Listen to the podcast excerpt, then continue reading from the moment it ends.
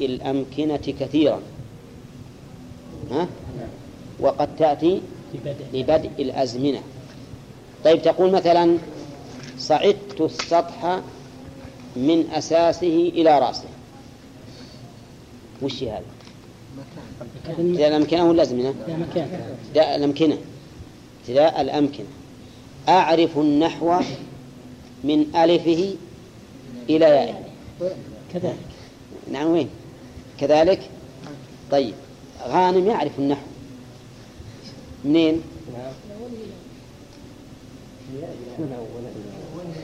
ها؟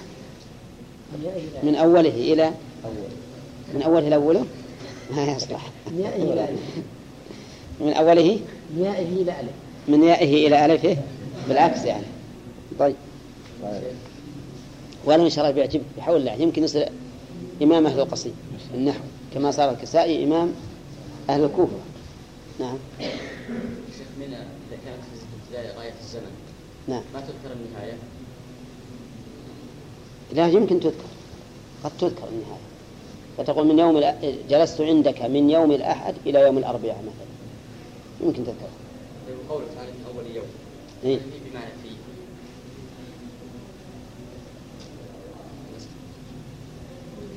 يحتمل أن تكون بمعنى فيه لكنها من أول يوم إلى إلى إلى الوقت الذي دعوك فيه أحق أن تقوم فيه. وليس معنى ذلك أنه إن أساسه على التقوى يبي ينتهي من أول يوم إلى عاد إلى ما شاء الله. طيب الأزمنة تصير كثيرة يا شيخ؟ ها؟ الأزمنة تصير كثيرة سنة كذا إلى إيه هي في الحقيقة كثيرة لكن نسبتها إلى الأمكنة قليلة. نسبتها إلى الأمكنة قليلة وقد تأتي وزيد في نفي وشبه فجر نكرة. طيب القاعدة الآن اللي آه، في البيت الأول أن من تأتي لثلاثة معاني للتبعيض والتبيين والابتداء. هنا لثلاثة معاني. الابتداء في الأمكنة والأزمنة وهي في الأمكنة أكثر منها في الأزمنة. طيب بعض مبتدأ. آه خبر. بعض فعل أمر وبين وهو حرف عطف وبين فعل أمر أيضا. وابتدئ فعل أمر والأصل في الأمر؟ الوجوب. طيب. وقول في الأمكنة متعلق بابتدئ. بمن؟ جار ومجرور. متعلقة. بهم كلهم. بين كلهن إي نعم. وبين ها؟ إيه ببعض بهم كل ثلاثة هما مر علينا بالاشتغال. لا، بالتنازع. في باب التنازع. ها؟ أسبق. كيف ما في تنازع ليش؟ تنازعها بعض. وبين وابتدئ فما هو رأي الكوفيين؟ وما هو رأي البصريين؟ الثاني أولى. الكوفيون البصريون الأسبق. لا بالعكس. الثاني أولى عند أهل البصرة. هذا كلام من مالك. واختار عكسا غيرهم ذا أسرع طيب عاد بقينا بالضمير. أعمل المهمل في ضمير ما تنازعاه والتزم ما التزمه نعم. أعمل المهمل في ضمير. هنا نعرف أن الذي ولا تجع مع أول قد أهمل بمضمر لغير رفع أوهل. نعرف الآن الذي أن الذي أعمل هو. ولا تجع مع أول قد أهمل بمضمر لغير رفع أوهل بل حذفه الزم. ترى قرينا هذا في التنازع يا أخوان. قرأناه. ما تقولون. أيها المعمل؟ أنا ما ما أعفيكم من الجواب على هذا السؤال. أي أي الثلاثة أعمل ما يتضح طيب.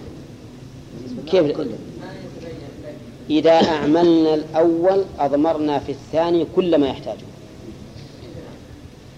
فنقول مثلا بع وبين بها وابتدئ بها في الأمكنة بمن. إذا عملنا الأول وجب الإضمار فيما بعده. ولهذا قال ابن مالك وأعمل المهمل في ضمير ما تنازعا والتزم ما التزم. ثم قال ولا تجئ. مع أول قد أهمل بمضمر لغير رفع أهل على هذا نقول المعمل هو الأخير في هذا في هذا البيت. المعمل هو الأخير وهو قوله ابتدئ. لأننا لو أعملنا الأول لوجب أن نضمر في الثاني والثالث. وهنا لم نضمر فيكون الأعمال الأخير للأخير. واضح؟ وهذه قاعدة. إذا جاءتكم أفعال تطلب واحد متأخر. أفعال تطلب واحد متأخر ولم تجدوا ضمائر فالعمل لأيها؟ ها؟ للمتأخر. لأنه إذا كان العمل متأخر فما قبله لا يحتاج إلى ضمير في غير لغير الله. وأظن أنه مر علينا في باب التنازع إن فيه قول للنحويين وهو الذي اخترناه وهو الأسد أن كلها مسلطة على هذا فتعمل فيه كلها كلها تعمل. فنقول بمن متعلق بإيش؟ ببع وبين وابتدي. والزيادة إذا تعلقت بثلاثة أحسن من تعلق بواحد يمكن تطيح بواحد ينقطع وتطيح لكن بثلاثة ما طيب. وأما قد تأتي للبلازمة فإعرابها واضح. ثم قال وزيد في نفي وشبه. هذا المعنى الرابع. أن تكون زائدة. لكنها زائدة زائدة. أولى. زائدة لفظا زائدة معنى. صح؟ صح؟ صح. صح. زائدة لفظا ومعنى. ها؟ تزيد في اللفظ وتزيد في المعنى لأنها تعطيه قوة. فهي زائدة لفظا زائدة معنى. وأظن هذه هذا التعبير غريب عليكم لأننا تعرفون ها؟ زائدة لفظا لا زائدة معنى. هذا المعروف.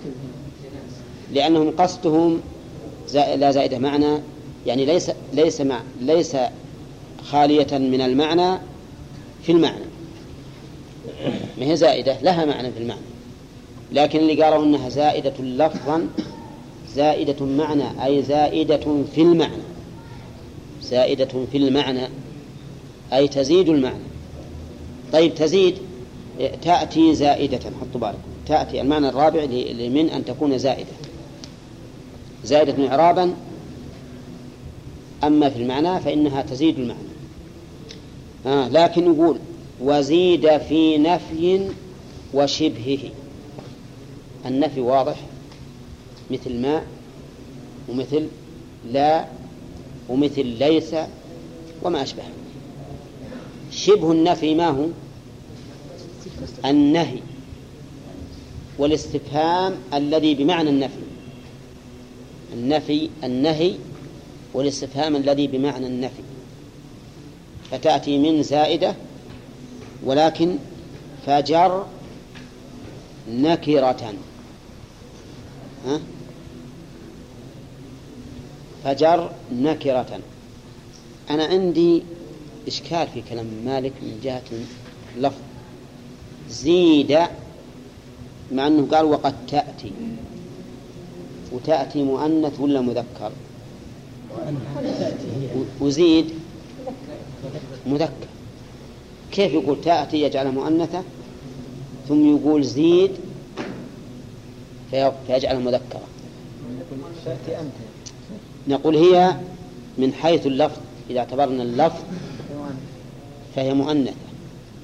إذا اعتبرنا أداة جر فهي مذ... أنا غلط. إذا اعتبرنا اللفظ فهي مذكرة. إذا اعتبرنا الأداة فهي مؤنثة فهي باعتبارها أداة مؤنثة وعليه قوله وقد تأتي أي وقد تأتي هذه الأداة وهي باعتبار اللفظ مذكرة يعني زيد حرف من زيد حرف من زيد يعني أتى زائدا في نفي وشبهه فجر ولم يقل فجرت باعتبار إيش؟ إنه مذكر ولا مؤنث؟ مذكر. فجر نكرة. جر نكرة. جر فعل ماضي وفاعل مستتر ونكرة. مفعول جر. نكرة. مثاله كما لباغ من مفر. ما لباغ من مفر. من هذه زائدة. لأن الكلام يستقيم لو قلت ما لباغ مفر. يستقيم الكلام ولا لا؟ يستقيم. إذا فمن يا حسين. ها؟ من زائدة ولا أصلية؟ طيب اعرفه ما لباغ من مفر. ما؟ شراب ما نعم. طيب. نعم. نعم. نعم. مبتدأ مؤخر كمل الإعراب. مرفوع. نعم. من من مكروه مرفوع عن فتح من مقدار ضم في آخره؟ وين ضم في للروض لا. وضم مقدرة منع من دورات تعدد وراء تعذر؟ لا ما بيقول التعذر منع من ظهور اشتغال اشتغال المحل بحركة حرف الجر الزائد. صح. من منظور اشتغل المحل بحركة حرف الجر الزائد. طيب. هنا ما هي عاملة عمل ليس عبد الرحمن؟ نعم. عاملة عمل ليس. نعم ليس له. تامة شروطه؟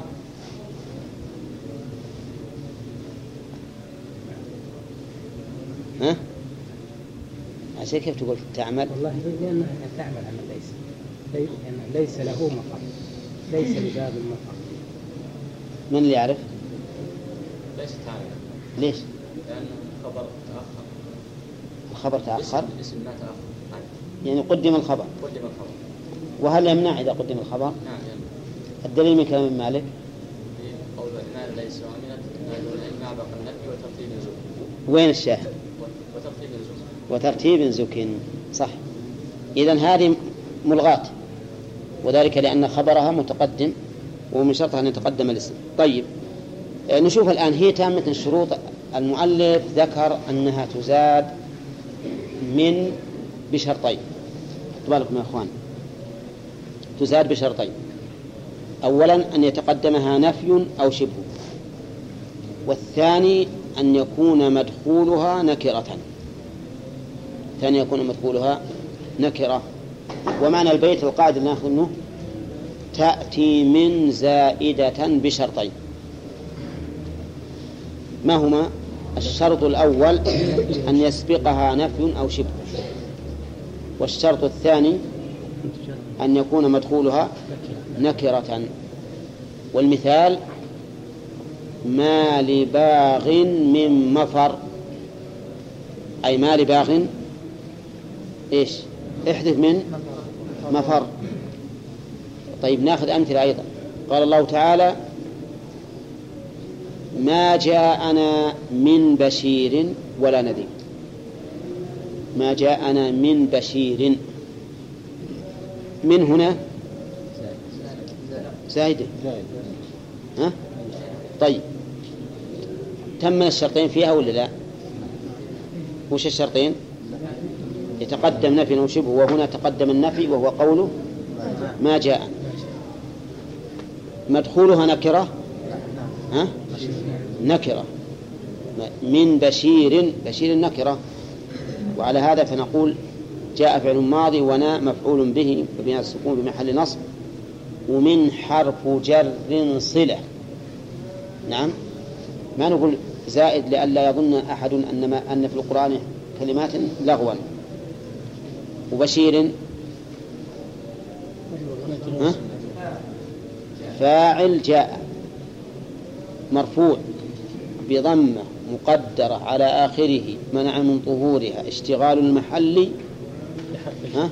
بحركة حرف الجر الزائد. ها؟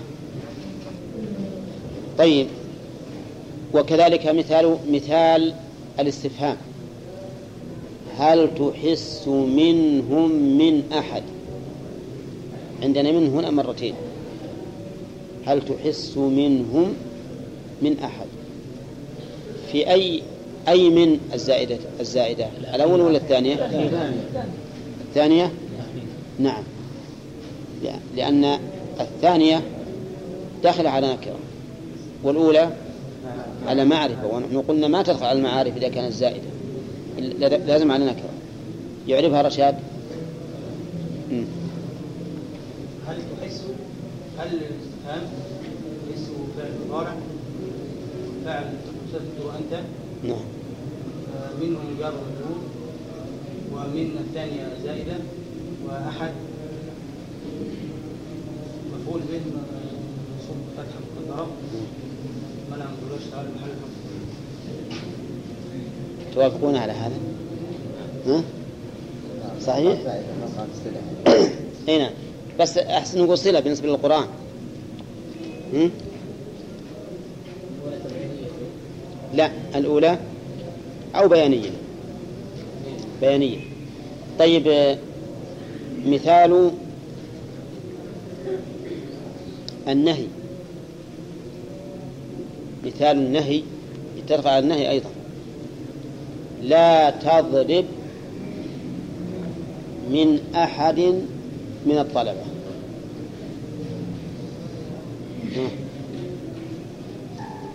صح ولا لا الشاهد في قوله من أحد من أحد من الطلبة فإن هنا نقول من أحد من حرف زائد وأحد مفعول تضرب منصوب بفتحة مقدرة على آخره منع من ظهورها اشتغل المحل بحركة حرف الجر الزائد طيب ما تقولون في قوله تعالى يغفر لكم من ذنوبكم ويؤخركم إلى أجل مسمى. يغفر لكم من ذنوبكم. هل هي زائدة؟ ها؟ يغفر لكم من ذنوبكم. تبعيضية؟ ها؟ توافقون على هذا؟ ها؟ تبعيضية؟ طيب. قال الله تعالى في آية أخرى يغفر لكم ذنوبكم ويدخلكم جنات تجري من تحتها الأنهار.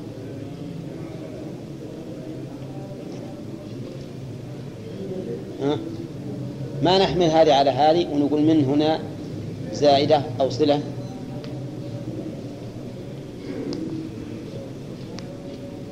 ها؟ نعم عبد الله. ما نحملها لأن هنا دخلت على معرفة المضاف. طيب ويغفر لكم ذنوبكم. إحنا بنحمل آه، لأن بعض النحويين قال يجوز دخولها زائدة على نكرة على معرفة. واستدل بالآية. هل نوافق على هذا ولا لا؟ لا نوافق. استدل بالآية هو بيحمل هذه على هذه ونحن نقول لا نوافقك على هذا الشيء. لأنك إذا تأملت يغفر لكم ذنوبكم وجدت الخطاب موجها إلى هذه الأمة من الله. من الله. أولا يا أيها الذين آمنوا هل أدلكم على تجارة تنجيكم من عذاب أليم؟ تؤمنون بالله ورسوله وتجاهدون في سبيل الله بأموالكم وأنفسكم. ذلكم خير لكم. إن كنتم تعملون يغفر لكم ذنوبكم. هذا منين؟ من الله. إذن للعموم كل ذنوبنا. كل ذنوبنا مغفورة بهذا الوعد من الله سبحانه وتعالى. إذا تأملت من ذنوبكم وجدتها إما من كلام الجن. يا قومنا أجيبوا داعي الله وآمنوا به يغفر لكم من ذنوبكم ويجركم من عذاب أليم. ولم يجزموا بغفران الذنوب جميعا لأنهم يرجون رجاء. فهمتم؟ وجدت أيضا أن يغفر لكم من ذنوبكم جاءت في كلام نوح. يغفر لكم من ذنوبكم في سورة نور ويؤخركم إلى أجل مسمى. نعم. وهذا إما أن يقال إن هذه الأمة فضلت على قوم نوح بمغفرة جميع ذنوبهم. أو يقال أيضا أن نوحا عليه الصلاة والسلام قال لقومه هذا لأجل أن يرجيهم. لأجل أن يرجيهم. المهم أنه ما يمكن أن نحمل هذه على هذه مع اختلاف المعنى. فالصحيح إذن أنها كما قال ابن مالك تزاد من بشرطين. أولا أن تقع بعد نفي أو شبه والثاني أن يكون مدخولها نكرة. والمثال كما لباغ من مفر هذا شيخ من التبعيض. لكم ها؟ إيه للتبعيض.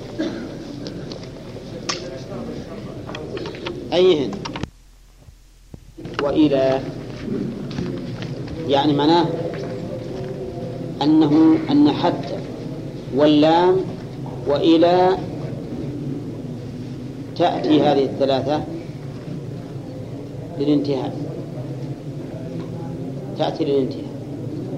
مثال حتى قوله تعالى سلام هي حتى مطلع الفجر. حتى مطلع الفجر. هو لا ومنه أيضا كلوا واشربوا حتى يتبين لكم الخيط من الانتهاء هذه؟ طيب.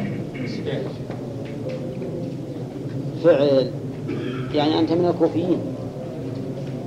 ترى أن حتى تنصب الفعل البصريون يقول حتى حرف جر والفعل منصوب بأن مضمرة حتى. وعلى هذا يكون معنى وكلوا واشربوا حتى تبيني.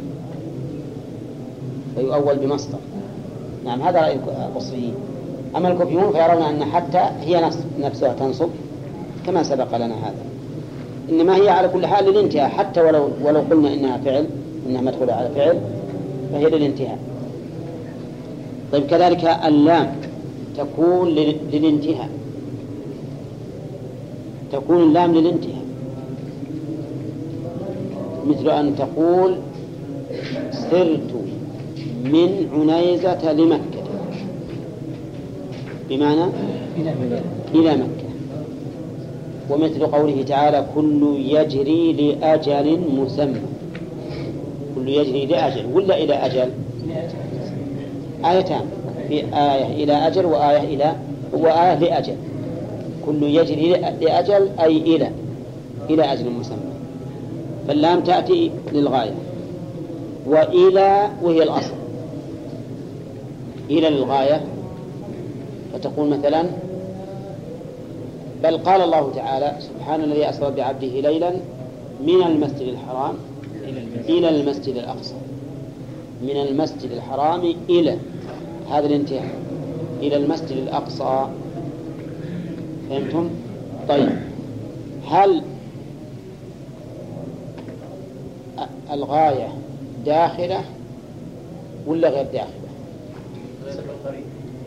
غير داخلة إلا بقرين هي غير داخلة إلا بقرين فلو قلت مثلا سرت إلى الوادي مجرى السيف هل دخلت فيه ولا لا؟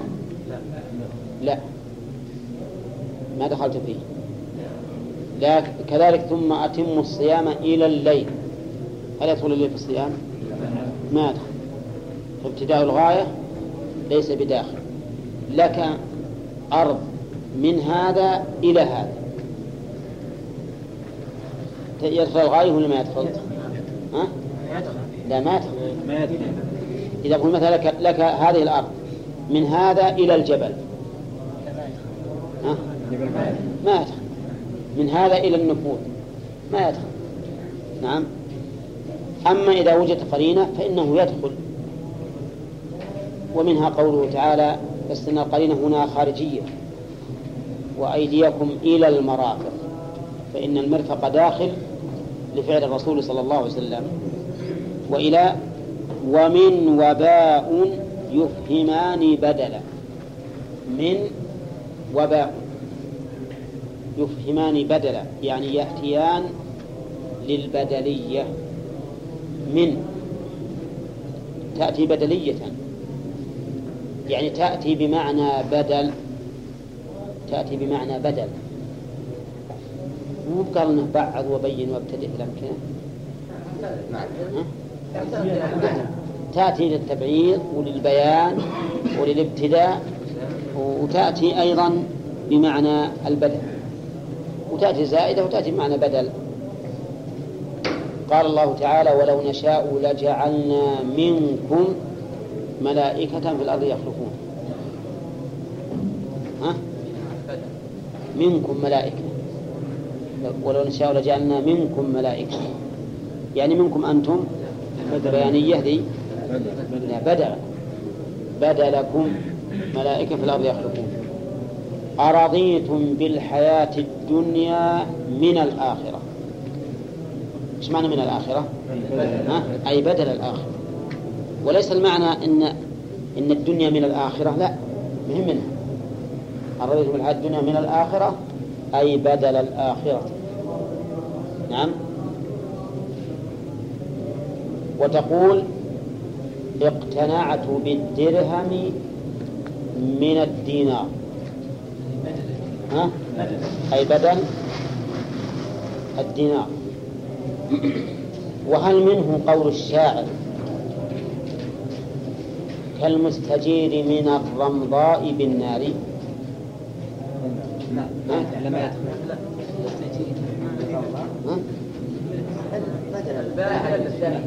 هنا كالمستجير من الرمضاء بالنار.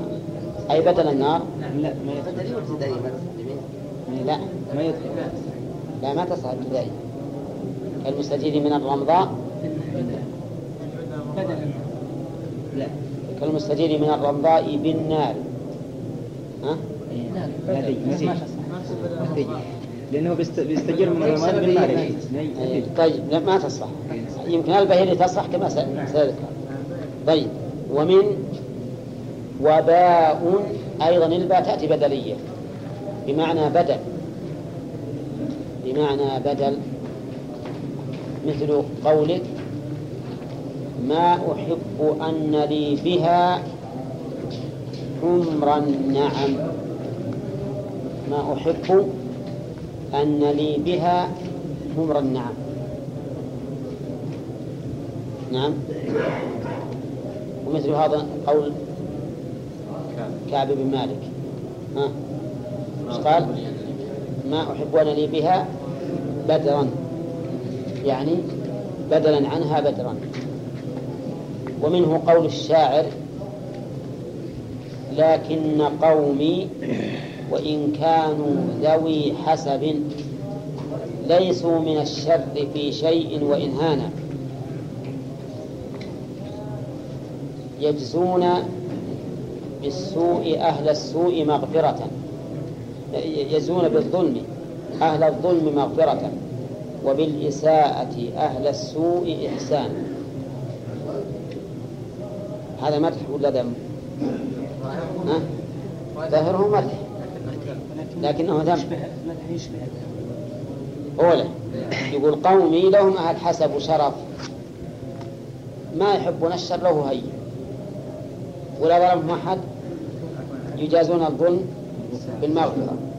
وإذا أساء إليهم يجازون الإساءة بالإحسان. ها؟ هذا اللي يقول هذا طيبين. لكن هو في الواقع لرد- لرداءتهم. ما فيهم خير. ولهذا قال فليتني بهم قوما إذا ركبوا شنوا الإغارة فرسانا ووحدانا. نعم وركبانا. لا يسألون أخاهم حين يندبهم في النائبات على ما قال برهانا ها؟ من يوم يقول يلا توكل على الله ما يقول وش اللي صاير؟ ولا قال صار كذا قال وش دليلك؟ هم يقولوا. نعم؟ على طول. طيب. الشاهد قوله بهم فليت لي بهم قوما؟ فليت لي بهم؟ فيهم بمعنى بدلهم.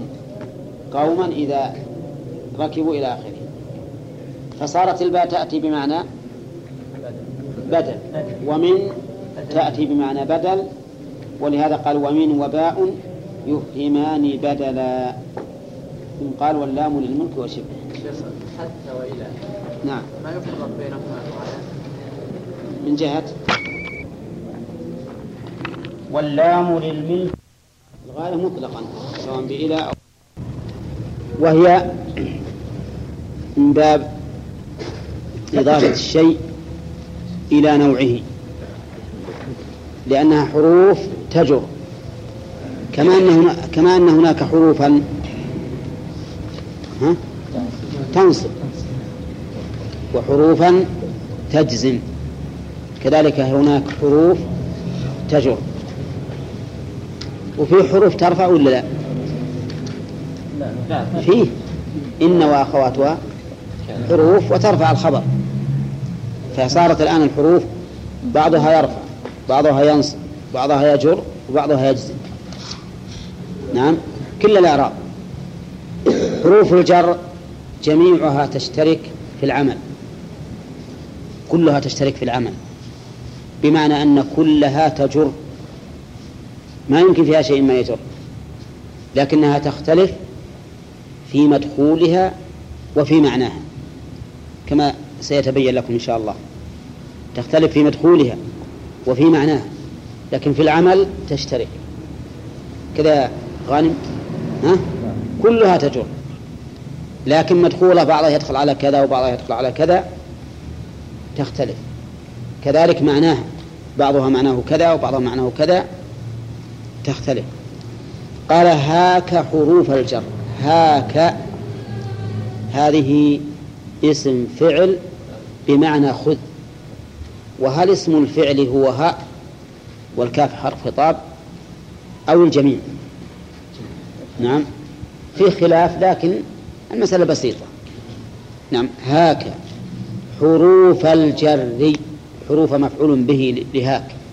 لأن هاك اسم فعل. وهي تقبل ولا ما تقبل؟ إذا قال لك ابن مالك هاك حروف الجر. تقول قبول ولا ما بيه قبول؟ قبول. طيب. هاك حروف الجر. يعني الحروف التي تجر. واستفدنا من قوله حروف أنها ليست أسماء. أنها ليست أسماء ولا أفعالا. ليست أسماء ولا أفعالا. لكن بعضها قد يكون أسماء. قد يكون أسماء وقد يكون أفعالا. وفي هذه الحال يخرج عن حروف الجر. ها؟ في هذه الحال يخرج عن حروف الجر. فإن على تستعمل اسما والكاف تستعمل اسما ومذ ومنذ يستعمل اسما اسمين وخلا وحاشا وعدا تستعمل أفعالا. إنما هي في خروجها عن ذلك لا تعتبر من حروف الجر. طيب وقوله وهي من إلى.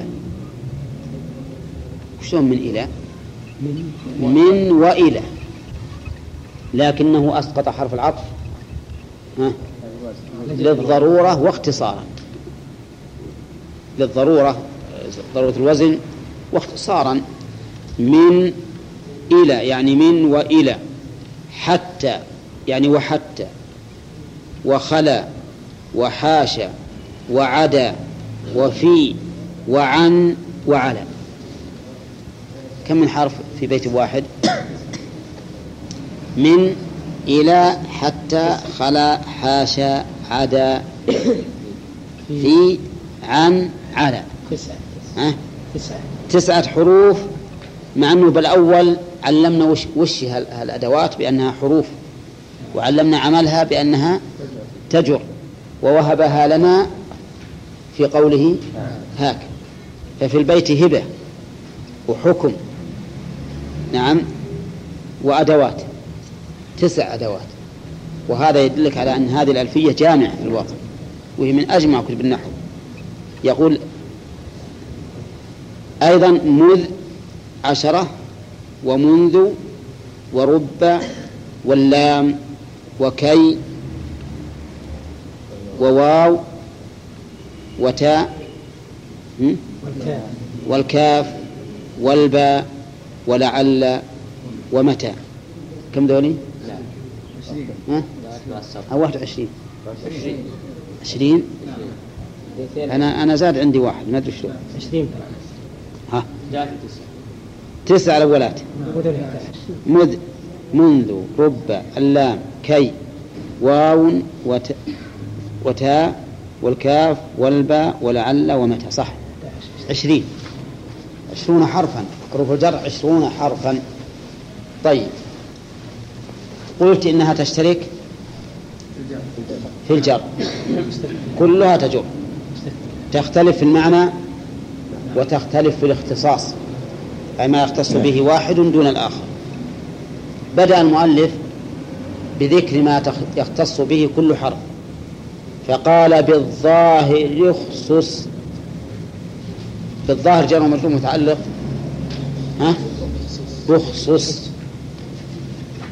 يقال أخصص ويقال خص. الأول فك للإدغام والثاني إدغام. خص إدغام.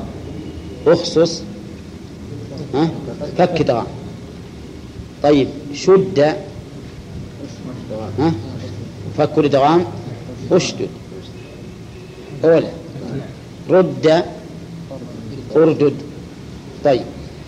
اخصص بالظاهر مذ بالظاهر اخصص منذ مذ وحتى والكاف والواو ورب والتاء كم؟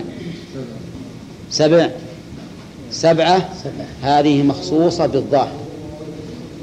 سبع أدوات من العشرين تختص بالظاهر.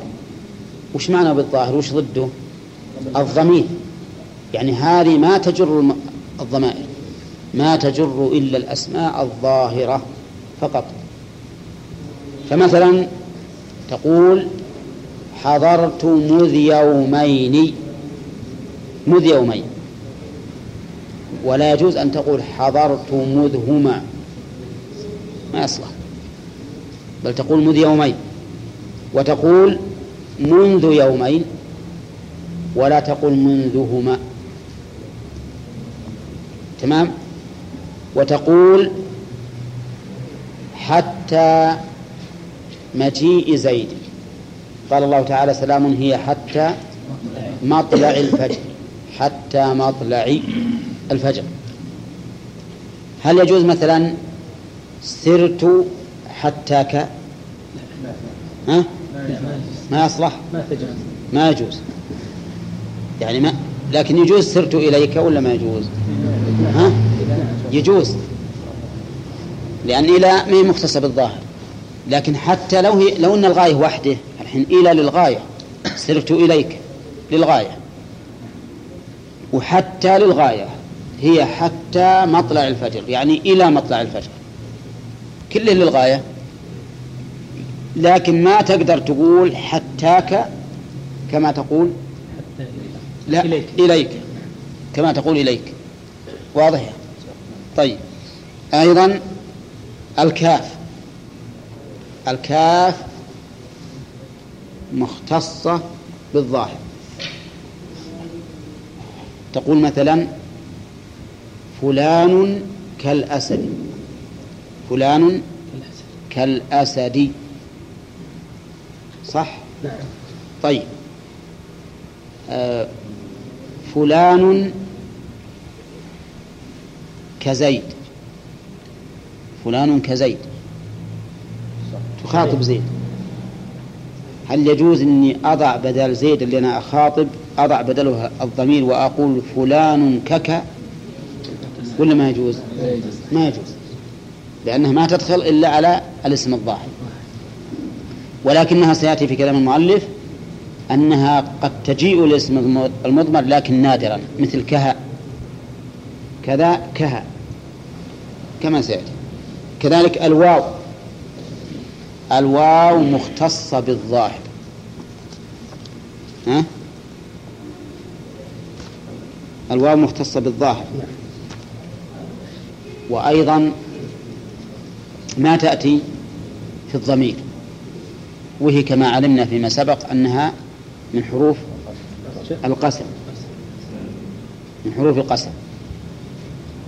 تقول والله ورب العالمين وخالق الأرض والسماء وما أشبه ذلك.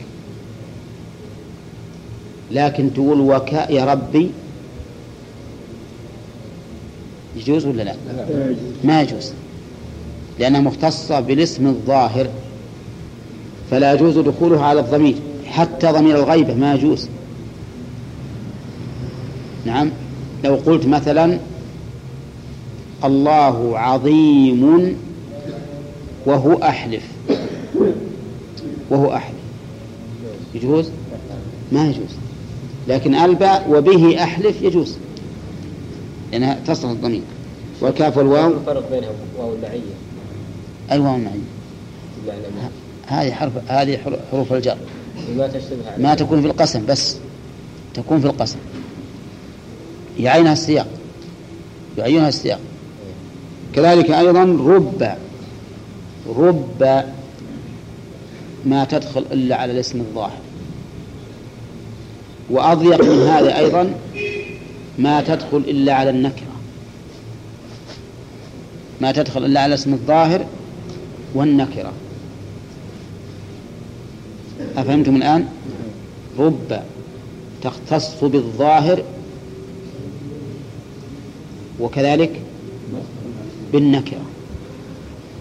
تقول مثلا رب رجل لقيته. رب رجل لقيته. لكن ما يمكن تقول رب الرجل لقيته. ما يصلح. رب الرجل لقيته ما يصلح. السبب؟ ها؟ ها لأنها خاصة بالنكرة. والرجل هذه معرفة.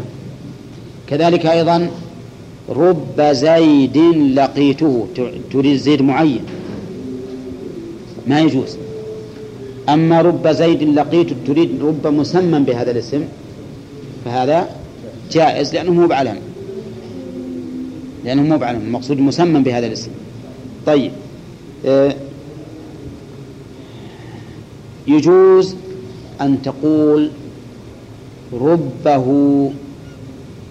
الرجل قائم؟ لا يجوز لكن قليل. وما رووا من نحو ربه فتى نزر نعم. كذا كهن نعم. إذا قوله هنا اختصاص بالظاهر. ها؟ هذا بناء على الغالب الكثير. على الغالب الكثير. ولا قد تأتي قليلا متصلة ب- بالضمير. طيب. قال والتاء التاء أيضا مما تختص بالظاهر. وهي من حروف القسم.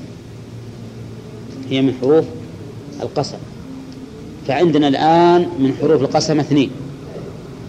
هما الواو والتاء.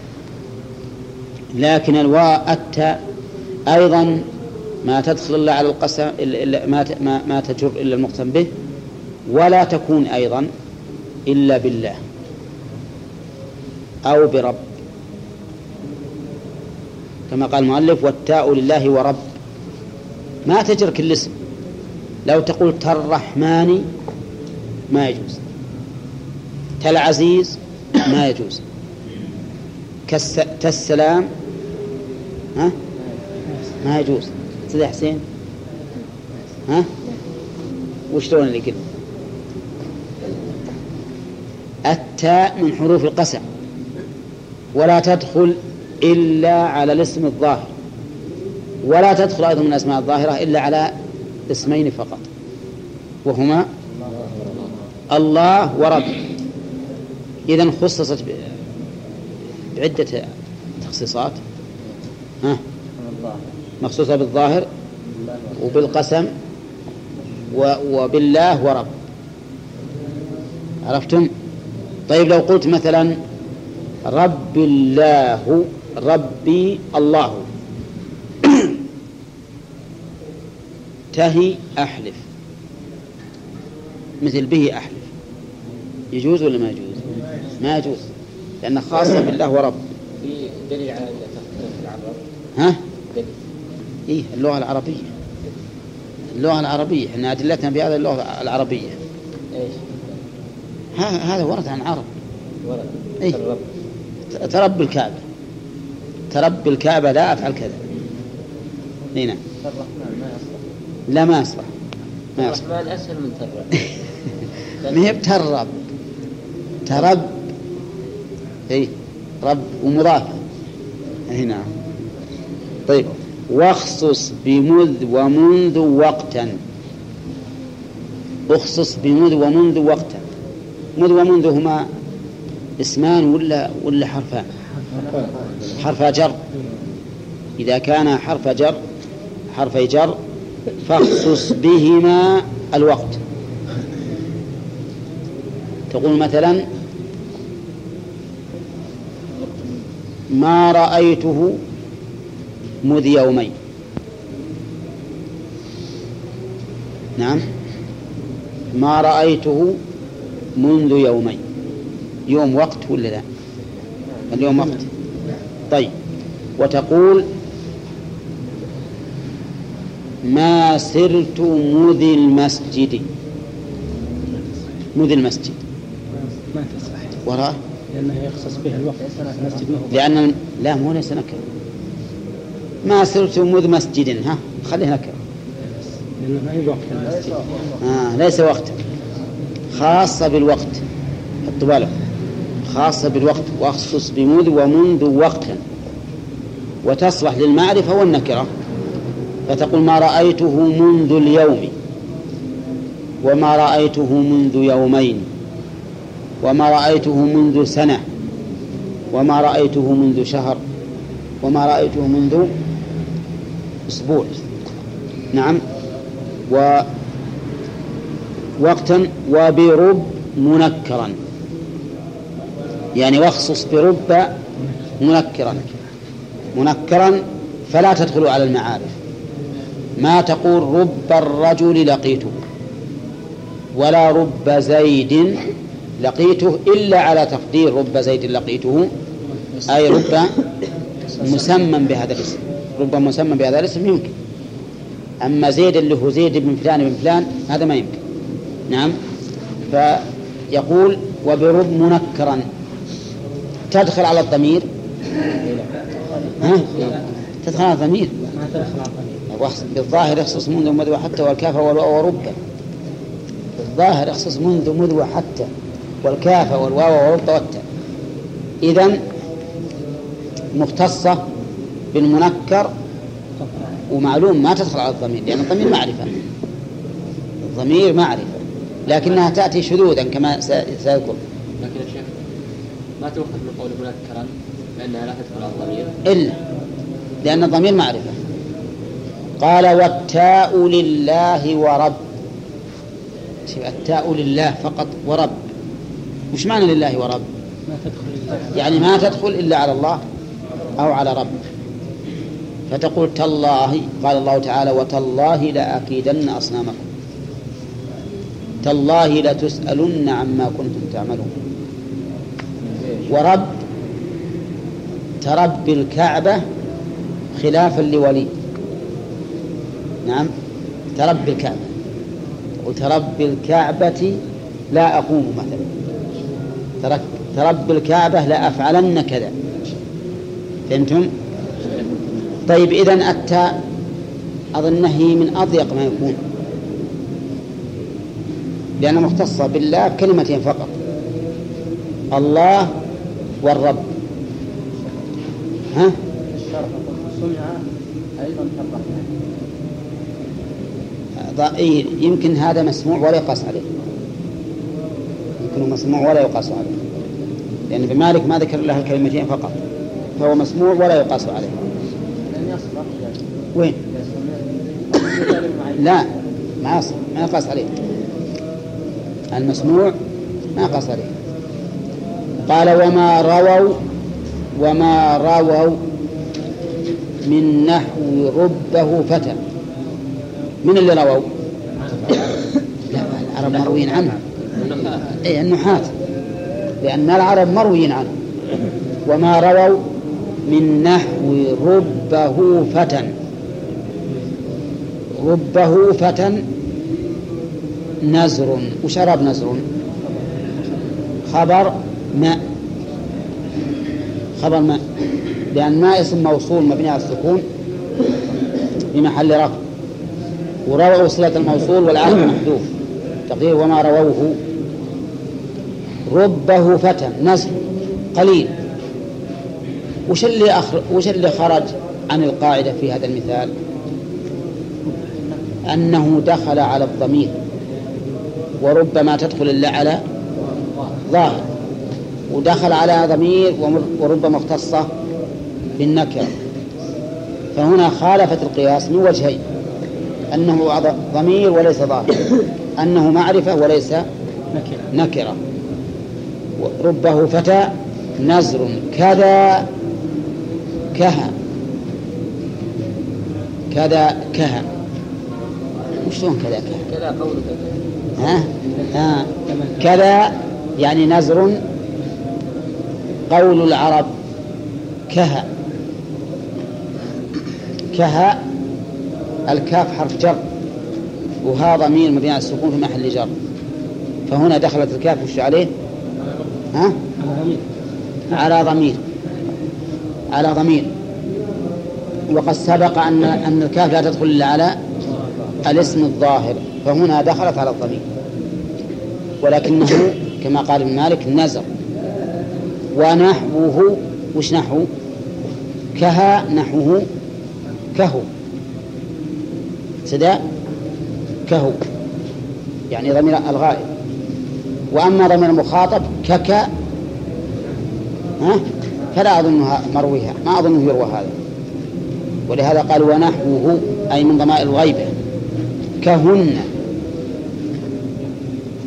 أولى مثله لأنه ضمير والكاف ما تكون إلا بالاسم الظاهر. طيب كذا ونحو أتى ثم عاد بدأ المؤلف بمعاني هذه الحروف. نشوف القواعد الآن. ها؟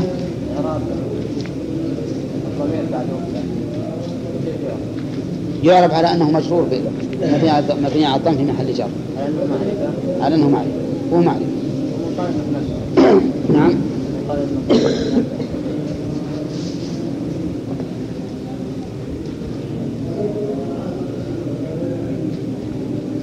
اللي يظهر لي إنه ما يصير معرفة ولا نكرة حسب المفسر به. إن فسرته بنكرة فهو نكره وإن فسرته بمعرفة فهو معرفة. بنكرة فيكون نكرة.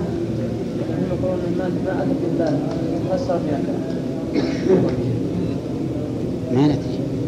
ربما تفسر بمعرفة. كما قلت ربه الرجل صالحا. آه صالح. قد يكون ربه الرجل صالح. أنا أدري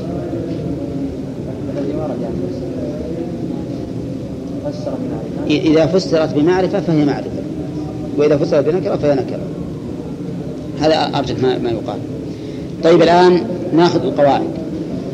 القواعد حروف الجر. أولا حروف الجر هي الأدوات التي تعمل الجر. وهي عشرون أداة. تشترك جميعا ها في عمل الجر. وتختلف في الاختصاص والمعاني. طيب أما البيتان الأولان فهما في عد الأدوات هذه ولا في إشكال. البيت الثالث القاعدة فيه يختص بالأسماء الظاهرة هذه الأدوات. وهي مذ ومنذ وحتى والكاف والواو ورب والتاء. كم أدوات سبع. يختص بالأسماء الظاهرة من هذه الأدوات العشرين سبع أدوات. والبيت الثالث الرابع القاعدة فيه تختص مذ ومنذ بالوقت. فلا تجر إلا ما دل على زمن. لا تجر إلا ما دل على زمن. وتختص رب بالنكرات. فلا تجر الضمائر. لا تجر الضمائر. ولا المعارف. وتختص التاء باسمين فقط. وهما الله ورب. البيت الخامس أن ما روي عن عن العرب من دخول رب على الضمير والكاف على الضمير فهو نزر قليل. نزر قليل مخارج عن القياس. والله أعلم.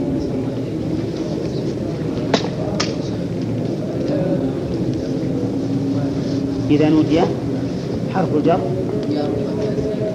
ها تقول للتنبيه إذا دخلت يا على ما لا يصح نداؤه مثل يا ليت قوم يعلمون. إذا دخلتها الحروف غير التنبيه.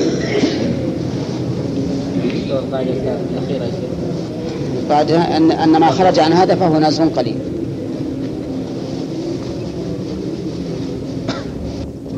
وت... وتعليل قفي. قفي. وتعليل وتعليل قفي. بس. بسم الله الرحمن الرحيم. تقدم أن حروف الجر تتفق كلها في في العمل أي في جر مدخولها وتختلف في الاختصاص وأن منها ما يختص بالظاهر ومنها ما يكون للظاهر والمضمر ومنها ما يختص من الظاهر بشيء معين أليس كذلك؟ رب تختص بالنكرة والتاء تختص بالله ورب. ومذ ومنذ يختصان بالوقت. بمن- بمذ ومنذ وقتا. وتقدم أن الذي يختص بالظاهر سبعة. سبعة حروف. مذ منذ حتى الكاف والواو ورب والتاء سبعة حروف. وأن بعضها قد يكون ها قد يأتي في الض- في الضمائر. قد يأتي في الضمائر. يعني يجر الضمير. مثل ربه فتى مع أنها ما تدخل إلا على النكرة. ومثل قولهم لها. يعني بدل ما يقول هذه كهذه يقول هذه كها هذه كها وكذلك بدل ما يقول هذا كهذا يقول هذا ها؟ كهو. كهو. ما كهو كهو. أما المع... أما المعاني فبدأ بها المؤلف. اختصاص هذه الحروف كل واحد بمعنى فقال بعض وبين وابتدئ. ثلاث معاني. بعض التبعيض. بين التبيين ابتدئ الابتداء. في الأمكنة بمن بعض وبين وابتدئ. في الأمكنة بمن؟ وش من؟ حرف الجر بعض وش يعني معناها أنها تأتي للتبعيض. قال الله تعالى ومن الناس من يتخذ من دون الله أندادا. ومن الناس من يتخذ من دون الله أندادا.